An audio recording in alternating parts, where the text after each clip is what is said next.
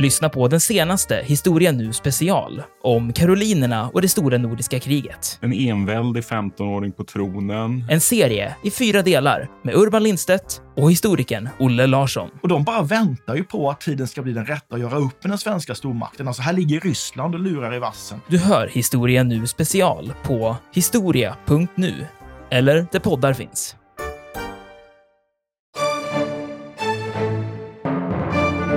Och det här är intressant att notera för vad vi vet från verklig historia är att de här städerna, Mykene, Tirins, Pylos, vinnarna i Trojanska kriget, de går under ganska kort tid senare. En stor civilisationskollaps. Hela deras civilisation, inklusive deras skriftspråk, upphör att existera någon gång på 1100-talet före Kristus.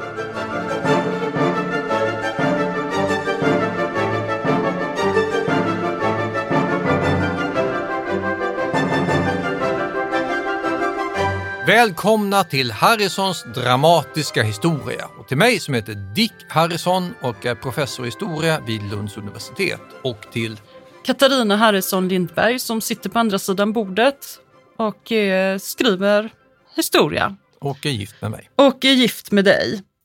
Nu, Dick, ska du få göra Vad något gör. av det mest romantiska Ja. en man kan, Jag får läsa Göra. poesi.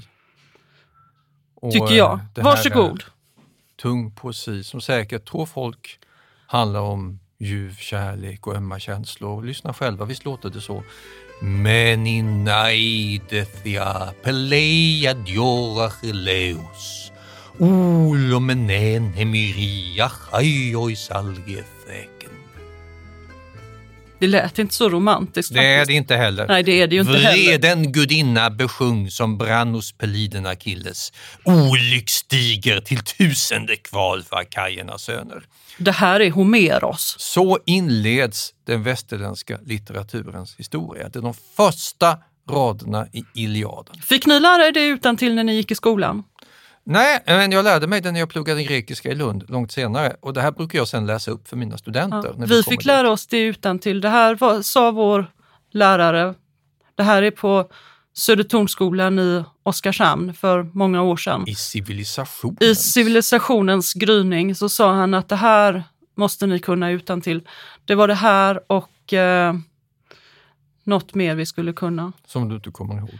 Jag kommer säkert på det snart. Ja, men det intressanta är att det inte bara på Södertorn i Oskarshamn man har sagt att det här var obligatorisk kunskap i all skolundervisning under antiken och det har räknats som oundgänglig visdom långt efteråt också. För här börjar hela vår kultur, vår västerländska europeiska kultur i skriftlig form. Frågan är ju då vad handlar det här om? Det här vreden. Achilles är alltså arg och eh, Homeros ber då en gudinna hjälpa honom besjunga hur arg Achilles är och vilka hemska konsekvenser det här fick för hela hans folk. Det är alltså där det startar. Vår kultur börjar med en historia om Achilles som är fruktansvärt förbannad. Bakgrunden här det är det trojanska kriget som har börjat på grund av att en prins har rövat bort den sköna Helena. Nu blev det romantiskt i alla Ja, det, blir, det är väldigt, det är väldigt romantiskt. Den sköna Helena hon var ju den vackraste kvinnan i hela världen. Hon hade vunnit en tävling. och, eh, men hon var gift med kung Abba- Agamemnon. Men eh, Nej, nu tar vi om det här. nu tar vi om det. Hon var inte det. Hon var säkert gift med någon annan jävel. Hon var gift med hans, hon, hon var gift med hans, hans bror Menelaos av Sparta. Menelaos av Sparta. Kung Menelaos av Sparta. Och sen kommer han. Vem fan vill vara gift med honom Ja. i Sparta? Sen kommer Paris, den skönlockige ädlingen från Troja och säger Helena, jag heter Paris, jag jobbar i Troja. Och det faller hon för, för att han är mycket häftigare än kung Menelaos av Sparta. För att ingen kvinna i världshistorien har ever velat leva i Sparta, tror jag. Ingen man heller faktiskt. Det var ett skitpissigt ställe att bo på. Men Troja, det är då en eh, fin handelsstad med höga murar i Minrasien, inte långt från Hellesponten och där kung Priamos härskar och där, där vill hon tydligen bo. Och då blir grekerna rasande och förbannade och bestämmer sig för att hämta tillbaka henne. Ja, sen blir det krig. Ja. Intressant är att det är inte detta som Achilles är arg för i början av Iliaden, utan då har kriget pågått i 8-9 år. Och det är helt okej att vara arg på trojanerna för att de rövar bort Helena som uppenbarligen var allt annat än ovillig att bli bortrövad. Utan vad han är arg på. Han är arg för att han har blivit av med en, eh, en, en tjej, någon sexslavinna. Ja, medan man då sitter där och krigar mot trojanerna i 8-9 år så måste man ju försörja sig och plundra lite och ta lite lättköpta segrar i närheten och då plundrar och bränner man ett antal städer och vid ett av de tillfällena så eh, plockar man även med sig sexslavinnor som vi skulle säga idag. Trafficking-offer skulle man kalla det och en av dem heter Briseis och hon jobbar i Achilles hem och han gör vad han vill med henne bokstavligt talat. Och sen i samband med en tvist och lite utlämningar och kompensationer så tar Achilles chef, Menelaos bror Agamemnon, överbefälhavaren från armén, tar precis från honom och då blir Achilles jättearg för hon var ju hans. Hon var ju min! Och vad gör Kan då? Achilles, hjälten? Jo, han går naturligtvis ner till havet och ber mamma om hjälp. Hans mamma är havsgudinna. Och mamma, de har tagit min sexslavinna från mig. Det är så synd om mig. Och hon tycker ju att det är synd om honom och går till de andra gudarna och Zeus och Apollon och eh, klagar. Min son har berövat sin slavinna. Jag känner helt plötsligt att eh, hela Iliaden, eh, vår kanon i västerländsk Men det litteratur, det har så tagit här, en det väldigt sida ett. udda vändning. Det, här är, det, det är det här det handlar om alltså. Det är därför Achilles blir arg. Och gudarna tycker ju att det är klart att eh, Teti är son Achilles och gör man inte så här med så de hämnas ju och skickar pestpilar och använt elände så att alla grekerna får lida för det här grälet mellan mellanchef Achilles och överchef Agamemnon. Och grälet handlar om en tjej som de vill utnyttja sexuellt, båda två på brutalast möjliga vis. Så börjar Iliaden. Det brukar inte framställas riktigt så här Nej, plumpt. Men läs själv och kolla. Ja, ja, jag säger inte att det här inte stämmer. Det är Eh, alltså en väldigt patriarkalisk manlig kultur kan vi lägga till.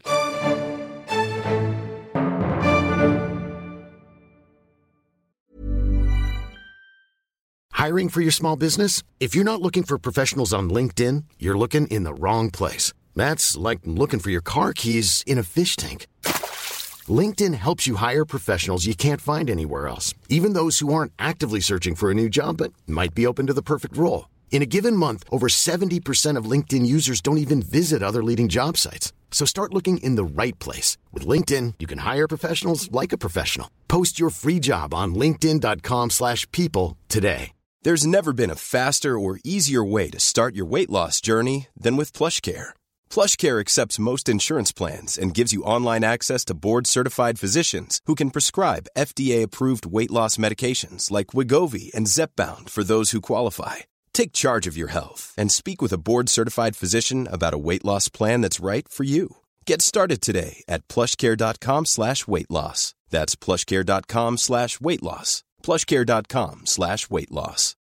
Millions of people have lost weight with personalized plans from Noom, like Evan, who can't stand salads and still lost 50 pounds. Salads, generally, for most people, are the easy button, right? For me, that wasn't an option. I never really was a salad guy. That's just not who I am. But Noom worked for me. Get your personalized plan today at Noom.com. Real Noom user compensated to provide their story. In four weeks, the typical Noom user can expect to lose one to two pounds per week. Individual results may vary.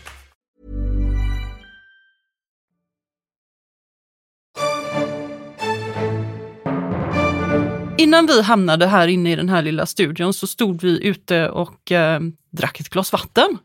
Och eh, då fick jag höra någonting väldigt intressant om grekiska dikt. Du har ju läst grekiska, du har läst Ja. ganska mycket grekiska faktiskt. Ja, ja. Du berättade jättespännande om... Jag har ju läst det här i original. Ja, det var därför nej, du fick göra detta nu. Men då sa du att grekiska är mer än ett språk? Du måste berätta om det, för det var så himla intressant. Ja, Homeros skriver då på 700-talet före Kristus och det här är på homerisk grekiska som är en särskilt episkt språk. Ska du skriva stora långa hjältedikter som sen eh, aoider, alltså speciella proffssångare ska eh, lära sig utan till, då skriver du med samma typ av speciella genetivändelser, ojo och liknande, som Homeros använder och samma stil som han använder, ett speciellt, ett speciellt språklig variant inom grekiskan. Ska du däremot skriva körlyrik, om du vill hedra en vinnare i olympiska spelen med ett ode, ja då växlar du till ett helt annat grekiskt språk, doriska, det språk man talade i Sparta, Menelaos, de här tough guys, Ja. krigarna.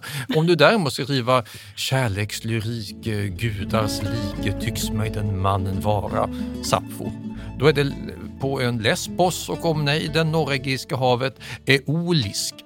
Ska du däremot hålla ett försvarstal inför rätta eller skriva en lång utläggning om att eh, Aristoteles har rätt, kvinnor är bara någon så konstiga bimän och så vidare. Så vi kommer prata med Aristoteles Då- någon då- gång längre ja, fram.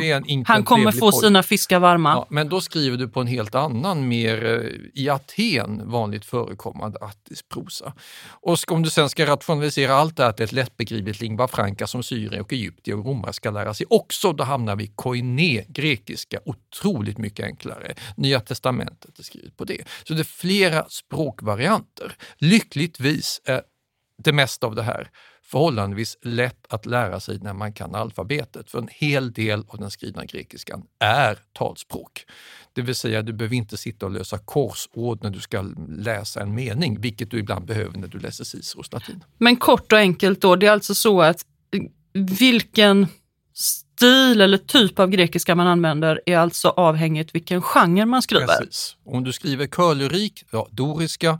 Om du sen, och det kan vara samma person som gör det här, Ja. vill skriva något längre epos, ja då byter du till homeriska. Vill du däremot skriva någon vetenskaplig uppsats, ja, kan vara någon attisk prosa och ska du sen skriva kärlekslyrik som Sappho, ja då byter du till hennes dialekt och så vidare. Ja, det är intressant. Det är jag kul hade om vi hade faktiskt haft hade så ingen i Sverige aning om det. idag. Alltså ska du skriva riksdagsprotokoll gör du det på stockholmska och rikssvenska. Ska du sen skriva någon sorts eh, ja, kärlekslyrik så blir det naturligtvis på skånska och så vidare. Vi gör ju inte så. Vi har ju rationaliserat fram det här till en enda språkvariant. Men i Grekland hade man alltså precis tvärtom. Ja, för här är skillnaden, det är mer än bara lite stil. Det, det, det är grammatik och, och sånt som skiljer helt enkelt. Ja. ser man det tydligt på.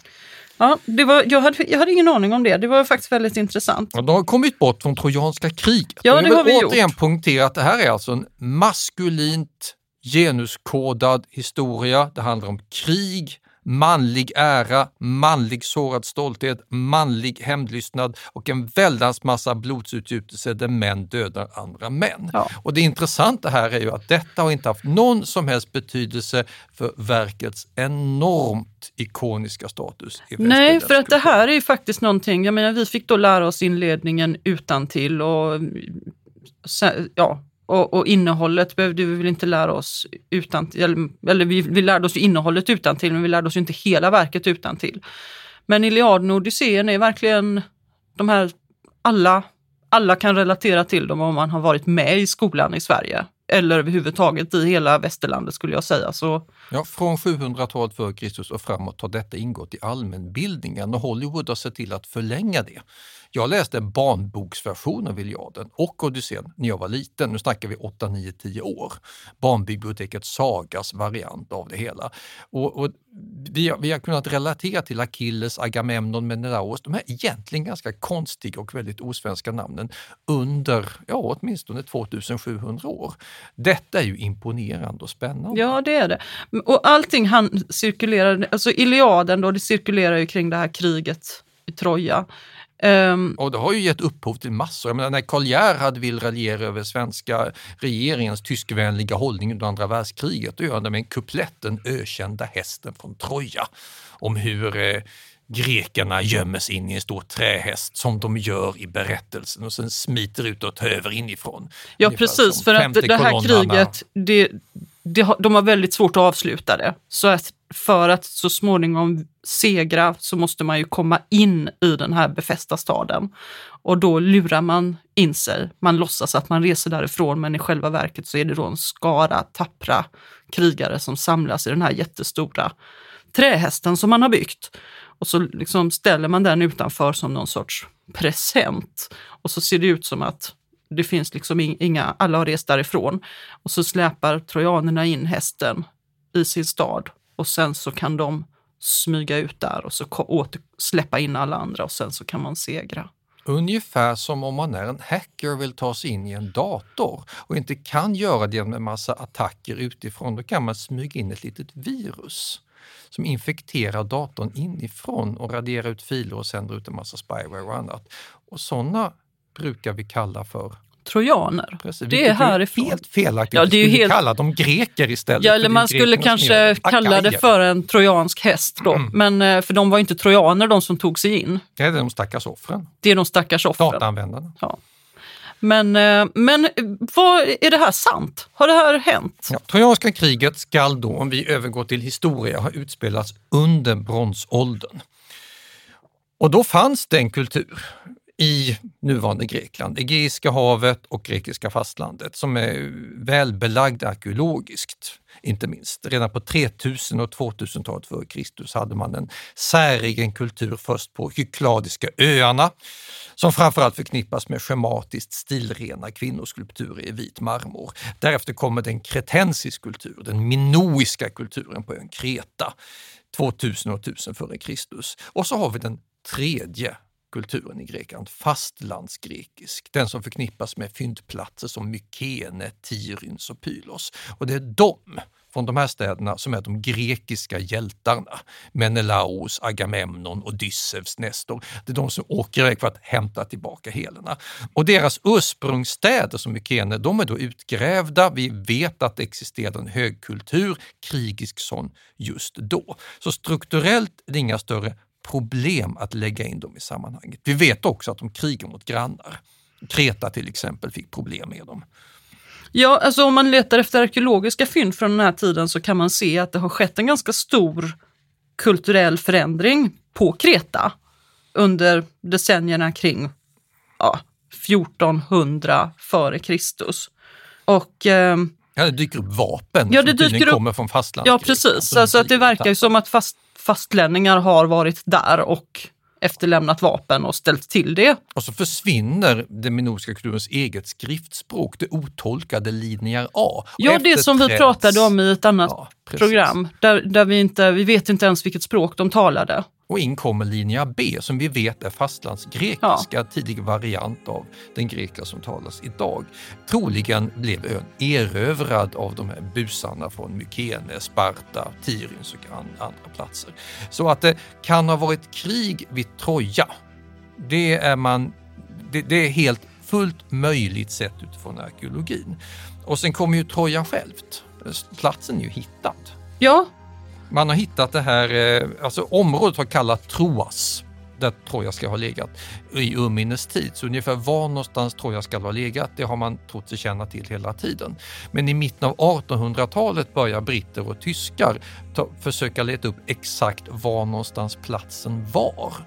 Och det är en britt som kommer på det först, han heter Frank Calvert och han har inte några större ekonomiska möjligheter att gräva, men han får en kompanjon, en mycket kändare kompanjon än honom som heter Heinrich Schliemann. Språkgeni och kolossalt förmögen. Och tillsammans lyckas Calvert och Schliemann hitta vad man idag är tämligen säker på är Homeros Troja.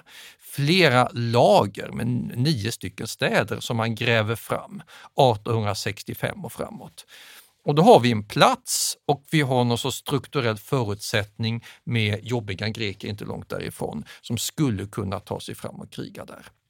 Men det fortfarande så ser det här ut lite som en saga. Tills man hittade tredje elementet, grannimperiet i mindre Asien, hetiterna. De skriver med kilskrifter. De har ett indoeuropeiskt språk som därmed är ganska lätt att läsa när man väl har knäckt kilskriftskoden. Och läser man deras kilskriftstavlor, ja då visar det sig att här har vi ledtrådar till vad som kanske kan ha varit det trojanska kriget. För visst nämner de ett välde, någon sorts eh, grekisk-liknande civilisation borta i väster som man har Ja, problem de med. nämner ett välde som de kallar för Ajiawa eller någonting åt det hållet. Ja, Jag, jag kan ju inte Hetitiska. hetitiska får jag erkänna. Det kan inte jag heller. Nej, men det här har man då uppfattat som, alltså de beskriver det som att det ska ligga västerut i förhållande till dem och, Då hamnar man och då hamnar man på rätt plats. Eh, Så rimligen så pratar man om de här personerna som är inblandade i kriget. Alltså Ahijawa och Ahija, vad kallas grekerna i Iliaden? De kallas inte Akajer utan kallas de. akajer. Och det är ändå lite väl Ja. nära för att man inte ska tänka att här kan vi ha ett rimligt samband. De bor på samma plats, heter ungefär samma saker, krigar och jobbiga. Ungefär som i Iliaden. Det är i alla fall väldigt lätt att börja söka efter konflikter när vi har den här utgångspunkten. Och då finner man, och nu är det alltså samtida hetitiska källor, alltså inskriftstavlor från den tid då det utspelade sig och inte 500 år senare. Då finner man att i mitten av 1200-talet före Kristus, alltså när Iliaden ska ha utspelat sig, kungen av Ahijawa, han stödde då en furste i västra mindre Asien, ungefär där Troja ligger. Den här fursten ska ha hetat Pijamarado. Och kungen i Troja hos Homeros, han heter Priamos. Det är ungefär samma namn, vid ungefär samma tillfälle, samma del av världen. Och den här Pijamarado alias Priamos, han är en lokal boss med ganska stor makt. Han sitter länge och regerar och han är en nagel i ögat på hetiterna, vilket gör att de skriver om honom. Bland annat så ska Pijamarado ha underlagt i staden Wilusa. Wilusa. Och Trojas Är det Ilion? namn är Ilion. Ilion och Troja är synonymer. Så Wilusa, Ilion, Pijamarado, Priamos och en massa krig och hetiterna tycker att de är Ahiawa, Akaina är jobbiga. Det låter ju onekligen som att vi har källor här. Kriget. Hetitiska källorna nämner också att det är en konfederation av flera städer. 22 städer och bygder vid namn Asoa ska ha utbrett sig i västra mindre Asien, Wilosa ska ha ingått och så nämner man ett annat namn, Alexando. Låter som omkring Alexander. år 1280 är kung av Wilosa. Trojanen som rövar bort Helena heter Paris och Alexander i de gamla myterna, de grekiska myterna om kriget i Troja. Paris och Alexander förekommer som synonymer. Och Alexander nämns alltså vid samma tid i hetitiska källor. Då är det lite väl många slumpmässiga sammanträffanden på samma tid i världen vid samma tidpunkt från två olika källor för att man ska våga säga att äh, det här är en saga. Någonting har alltså hänt. Något krig har ägt rum.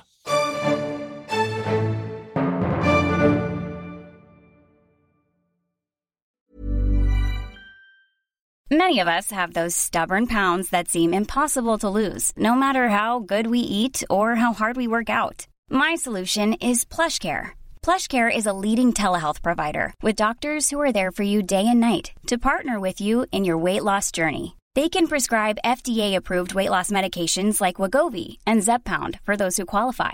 Plus, they accept most insurance plans. To get started, visit plushcare.com slash weight loss. That's plushcare.com slash weight loss. Hiring for your small business? If you're not looking for professionals on LinkedIn, you're looking in the wrong place. That's like looking for your car keys in a fish tank. LinkedIn helps you hire professionals you can't find anywhere else, even those who aren't actively searching for a new job but might be open to the perfect role. In a given month, over 70% of LinkedIn users don't even visit other leading job sites. So start looking in the right place. With LinkedIn, you can hire professionals like a professional. Post your free job on linkedin.com/people slash people today. Millions of people have lost weight with personalized plans from Noom, like Evan, who can't stand salads and still lost 50 pounds. Salads, generally, for most people, are the easy button, right? For me, that wasn't an option. I never really was a salad guy. That's just not who I am. But Noom worked for me. Get your personalized plan today at Noom.com. Real Noom user compensated to provide their story. In four weeks, the typical Noom user can expect to lose one to two pounds per week. Individual results may vary.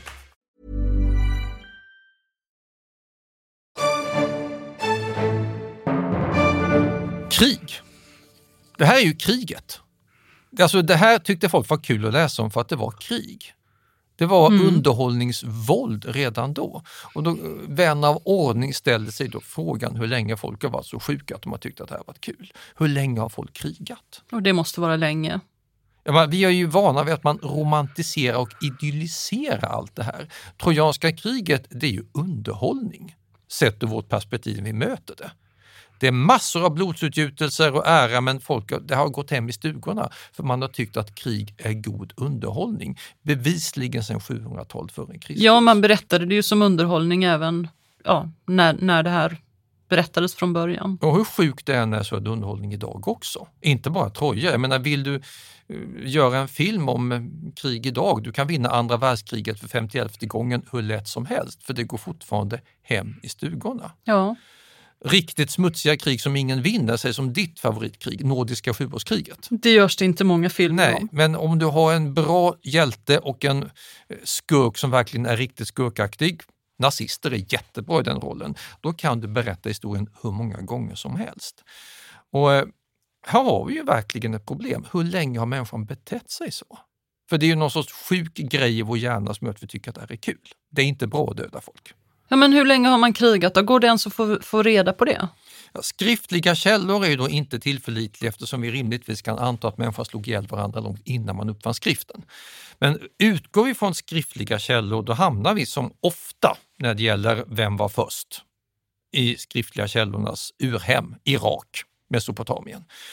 Och omkring 2700 f.Kr så har vi ett krig som nämns i källor. Det är alltså jättelänge sedan, 2700 där kung Enmebaragesi av Kish besegrade riket Elam i dagens västra Iran. Alltså Enmebaragesi av Kish. Kommer ni ihåg det? Enmebaragesi av Kish, världens äldsta i skrift dokumenterade Det blir krigarkung. prov på det här sen. Okej, och det är alltså omkring 2700 f.Kr. Då måste vi ju utgå från att det här hade man hållit på med innan också, innan man bestämde sig för att nedteckna vad kungen hette. Egypten enas omkring 3000 f.Kr. Jag gissar att det inte skedde genom ett stormöte där man röstade ska vi ena Egypten, utan det är säkert en kung som besegrar någon, någon annan. Tittar vi på bilder, då är det också staden Kish i Irak som kommer först. Cirka 3500 f.Kr. har vi krigsskildringar i bild. Så, alltså, så långt tillbaka man överhuvudtaget har skriftliga källor har folk krigat. Och de har dessutom visat det i bild några hundra år innan man uppfinner skriften. Så det här skriftspråkligt så slutar vi någonstans mitt uppe i det. Så människa som krigare predates the writing. Då kan man ju ställa frågan, människa som fredsfurste, när börjar man hitta på fredsfördrag? Det borde man ju egentligen ha gjort lika tidigt. Det är bara det att man, vi har inte belägg kanske från 3500-talet före Kristus på att man har ingått ett fredsavtal. Men det finns gamla. Det äldsta fredsfördrag som man känner till, som, det slöts mellan hetiter som bodde på det anatoliska höglandet. De som skriver om trojanska kriget. De som skriver, skriver om det trojanska kriget, precis, samma, samma hetiter. Och eh, ett välde som hette Hayasa Assi som utbredde sig vid Vansjön i Armenien. Och det ingår inte i allmänbildningen, Hayasa Atsi. Nej. Hetiterna bör man känna till. Det är de som startar med Ja. järntillverkning och sånt också. Men, eh, men vi, vi har prov på det här sen Dick, så kom ihåg det nu. Hayasa Assi. Hayasa Assi, Ja. Assi med två Z. Ja, precis. Du måste kunna stava till det också. Och det, det här låg i Armenien, det här väldet. Och eh, avtalet mellan hetiterna och det här, det, det är då världens äldsta fredsavtal. Det ingicks omkring 1350 före Kristus. Ja, då hade man haft ett litet krig. Då hade man haft ett litet krig där och sen så bestämde man sig för att sluta fred. Och eh, man, alltså man hade plundrat eh, hetiternas huvudstad och det hade varit Ömsesidiga plundringar. och ömsesidiga härjningar. plundringar och det hade varit väldigt besvärligt. Men, eh, men man bestämde sig för att eh, nu, nu, nu hädanefter så ska det råda fred och eh, vi ska eh, inte bråka mer och gränserna ska gälla här och, ehm, och sen så gifter man sig med varandra och, och, och blir vänner helt enkelt. Det är alltså Hayasa Assi som har förlorat den här kampen och då erkänner de sig som lite undersåtar och vasaller. Men man är fortfarande så pass mäktig att man måste på något sätt ha en working relationship och då är äktenskapsallianser det bästa. Om du ingår i samma familj så kan du åtminstone hålla det på familjegrällnivå så behöver man inte slå ihjäl folk. Så att eh, Sopiluliuma, hetitiske fältaren, hans syster får gifta sig med härskaren i Hayasasi som heter Hakana. Och det här vill man ändå för säkerhets skull att folk ska fatta, så att det inte blir bråk efteråt. Och då sluter man ett skriftligt fredsfördrag. Givetvis mot bakgrund av att man har slutit fred för men inte varit lika noggrann. Och det vill man undvika. Och det är ju ett tecken på civilisation, ungefär som lagstiftning också, att man ser till att fästa det på pränt. Mm. Världens kändaste gamla fredsfördrag det sluts mellan hetiterna, också samma hetiter, och egyptierna. Hetiterna bråkade mycket. Hetiterna bråkade mycket. Det, alltså, det, där Turkiet ligger idag. Turkarna har också bråkat mycket. Mm. Men hetiterna bråkar mycket med egyptierna också. Och till skillnad från Hayasa Assi och de här Ahijawa och Hayasa så, så är Egypten en representant för en stormakt. Och nu är det dessutom den jobbigaste stormaktskungen av dem alla. det är Ramses den andre. Ramses den andre själv som bråkar med hetiterna. Och det slutar oavgjort. Efter slaget vid Kadesh så inser man att ingen sida kan dominera Syrien fullständigt, vilket båda vill och då sluter man ett avtal 1258 f.Kr. Intressanta med det är att både Ramses den andre och hetiterkungen Hattusilis den tredje ser till att reproducera fredsavtalet på sina båda språk och bevara det i sina respektive huvudstäder så att vi har både den hetitiska och den egyptiska varianten kvar. Vill man se det här idag får man åka till New York. För det hänger en reproduktion av avtalet i FNs högkvarter. Och då har vi alltså kommit fram till ett läge där människan både har ritualiserat kriget och ritualiserat avståndstagandet från krig, alltså att sluta fred. Och det här med fredsavtal, om vi ska säga någonting om det. det jag skrev ju en ganska rejäl bok om Nordiska sjuårskriget för ett par år sedan och du har skrivit om eh, om 30-åriga kriget. Så att vi har ju ändå träffat på en del fredsavtal kan man ju säga. Har skrivit om Kalmarkriget också. Och eh, framförallt i Nordiska sjuårskriget så försökte man ju, man försökte ju sluta fred väldigt länge men problemet var ju det att eh, man kunde inte enas om hur mycket den andra skulle var tvungen att ge egentligen för att det skulle bli fred. Svenskarna tyckte hela tiden att den danske kungen krävde alldeles för mycket. Han ville ha jättemycket ekonomisk kompensation för det här kriget till exempel. Så att svenskarna hade blivit helt ruinerade. Så att, och det gjorde att det här kriget rann på ganska länge. Så ett lyckat fredsavtal kräver att båda känner att de har förlorat lika mycket tror jag. Ja, eller att båda får vinna lite. Ett av världens bästa fredsavtal någonsin, det Västfaliska freden 1648. Då har man hållit på i sju, åtta år och försöka förhandla om någon sorts lösning på en jättekonflikt. 30-åriga kriget är ju flera konflikter som sammanflätas och det är svårt att sluta fred. Nyckeln blir att se till att alla vinner något, utom de som är så fullständigt besegrade eller så helt irrelevanta att man kan strunta i dem, som Danmark. Men Österrike, Frankrike, Sverige, ja, Brandenburg, när man väl har kommit fram till att alla vinner på sin planhalva någonting, då går det att komma fram till ett fredsavtal. Österrikarna får dominera i Böhmen och nere i Tyrolen, fransmännen får ta hand om Alsace, svenskarna får kompensation. Och när alla är nöjda med att vi har vunnit lite, då kan man rädda ansiktet och gå vidare. Ja, för dåliga freder, där känner någon av sidorna att här förlorade vi alldeles för mycket. Och vi ska ge igen. Och vi ska ge igen. Winkongressen 1815 är också jättebra. Alla, till och med fransmän, får vara med och leka lite. Medan Versaillesfreden 1919, alla tiders sämsta fred någonsin som nästan laddar upp inför returmatchen 1939. Exempel på en fred där någon förlorar alldeles för mycket. Det här har vi alltså hållit på med då sedan bevisligen 1300-talet före Kristus. Och Trojanska kriget, freden där, blev ju att trojanerna utplånas, vilket leder till att man sen får en lång historia om någon sorts revanschism och de där dumma grekerna, för trojanerna får ju ättlingar, menar man, som vill ge igen. Romarna som härleder sig tillbaka till Troja och tar det här som en utgångspunkt för sin egen självbild. Vi romare är det vi som kan kriga. Ni greker, ni kan hålla på med filosofi och konst, men vi ska skona de besegrade och nedkämpa de övermodiga som Vergilius kallar.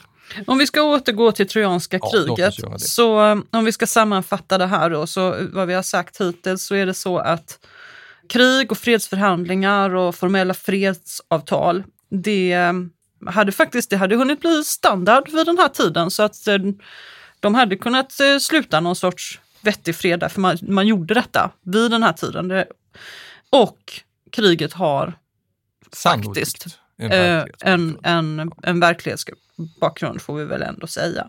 Men sen då, hur gick det för de här grekerna och hetiterna och Ja, här har man då läst igenom Iliaden eller lyssnat på det och verkligen levt sig in i allt det här och vad man än må tycka om den här manliga, hemana, patriarkala hjältevisionen så är det rafflande action, det är spännande.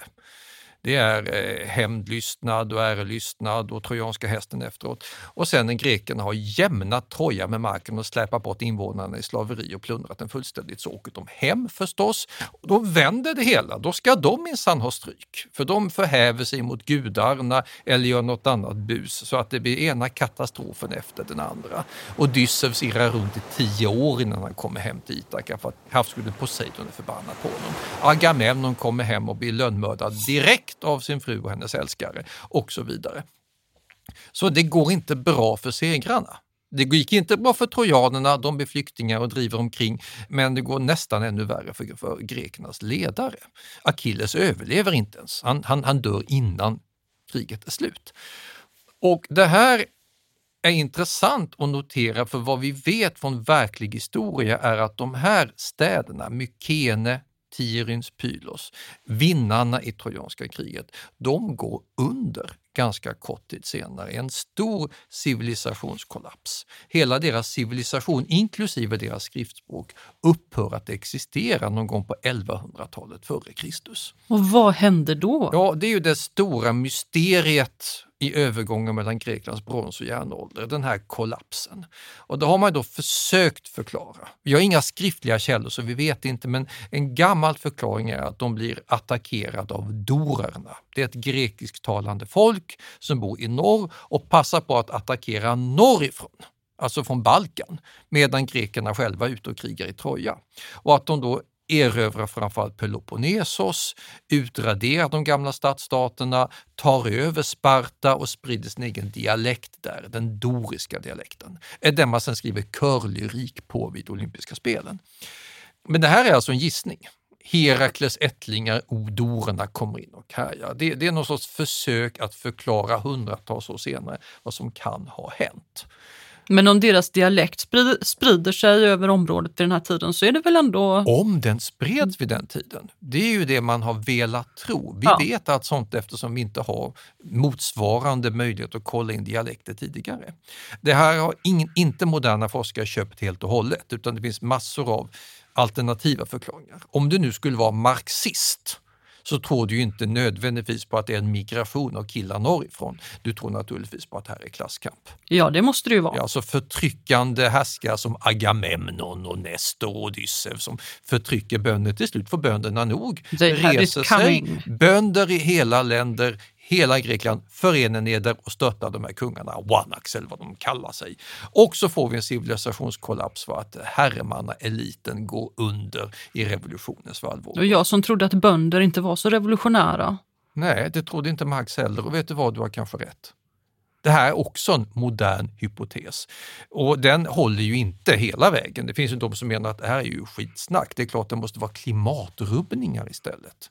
Väldigt många som Åh, idag det måste vara en nutida grej. Ja, ja, ja, det är klart. Det har ju kommit fram på sistone att det är klart det här är någon sorts global warming eller allmän nedisning eller vad som helst. Klimatet orsakar. Ni som lyssnar på det här, alltså klimatet tillskrivs jättemycket grejer precis nu. Det är den senaste inneteorin. Dick och jag brukar skämta lite grann om det. Ja, vi raljerar över det hela Ja. tiden, men det är väldigt vanligt att idag, om man inte vet varför någon kollaps ägde rum, skyller man på klimatet. För 30 år sedan skyllde man på klasskamp istället. Sen föll Berlinmuren och sen blev det lite eh, passé att komma med någon sorts klasskampshypotes. Men man kan, du kan ha jordbävning som hypotes också, eller en gigantisk pestepidemi som inte kan förklaras. Vi vet alltså inte vad som händer. Men vi har parallellfall. Och sen när jag hör talas om det här att vi vet inte vad som händer med de mykenska städerna, då drar jag in sjöfolken. Sjöfolken dyker upp.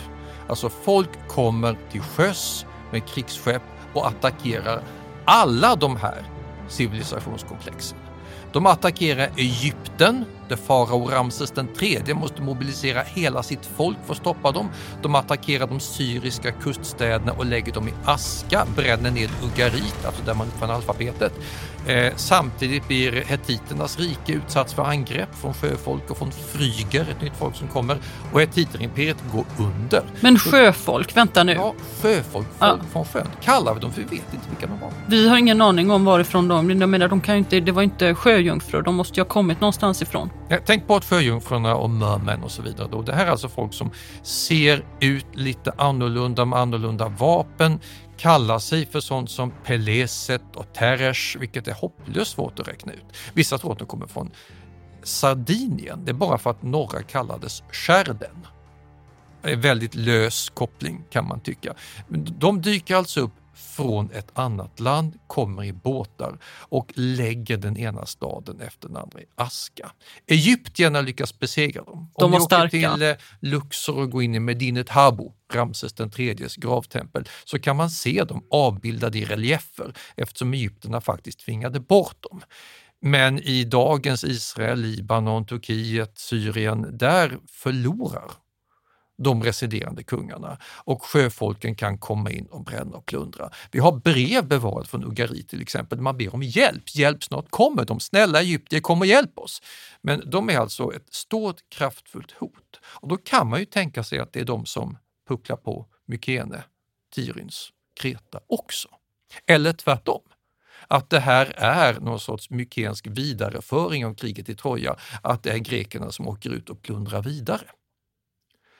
Och det sista är en intressant hypotes eftersom det enda sjöfolk som vi faktiskt kan skriva en vidare historia om, som fastnar ordentligt i källorna, det är det som man i Egypten kallar Peleset. Om jag säger Peleset, finns något land där nere som heter något liknande idag? Peleset, Peleset, börjar på P. Tänker vi på Palestina, Palestina nu? Palestina går tillbaka på Peleset. Och palestinier går tillbaka på Pelister, Pelester, ja. Filister. Precis. Busarna i Gamla testamentet som israeliterna krigar med hela tiden. Det är ett av de här sjöfolken, ett av de få vars historia vi kan skriva efteråt. De erövrar kustlandet, nuvarande södra Israel och sitter sedan där och är en allmän nuisance för massor av israelitiska domare och kungar. Simson till exempel har ju problem med, med Delila och de här filisterna. Och det här är då skriftliga källor, men idag kan vi med hjälp av DNA-teknik komma åt de här filisterna. Vi kan titta på eh, till exempel i Ashdod, där man har grävt upp dem på andra håll, att, eh, och i Ashkelon, att, att när man tittar på dem så innehåller de här filisteiska lämningarna på begravningsplatser eh, bland annat DNA som tydligen tyder på att åtminstone deras elit kan ha kommit från Grekland. Det kan alltså vara Achilles och Agamemnons ättlingar och polare som kommer och ställer till med bus i Egypten och erövrar det här området som fortfarande kallas Palestina efter Peleset. Det kan vara så. DNA-tekniken är bara i begynnelsen där man håller på att lägga sådana här pusselbitar. Och visst är det här lite häpnadsväckande? Ja, det är det ju verkligen. För sjöfolken har känts så väldigt mystiska. Alltså, eftersom man inte riktigt har vetat varifrån de kommer. Ja. Men de kanske var greker. Tänk om de var det. Men det förklarar inte varför grekernas egna städer då skulle... Nej, då måste de ju utvandrat en masse och det blir väldigt lätt att erövra ja. bakifrån. Och då kanske dorerna kommer in där. Vem vet? Som synes, forskning pågår och fortsättning följer. Ja, det som har varit lite häftigt med det här programmet är faktiskt att eh, nu kommer individer in mycket mer än vad de har gjort tidigare. Vi hade Pijamarado alias Primos. Ja, och det kommer bli mer av det framöver. Nästa avsnitt kommer handla om Ramses den andre. Och andra individer som vi börjar kunna ta på och titta på från den här epoken. Men Individen vi... kommer in i historien. Ja. Nu säger vi tack för idag. Tack för idag.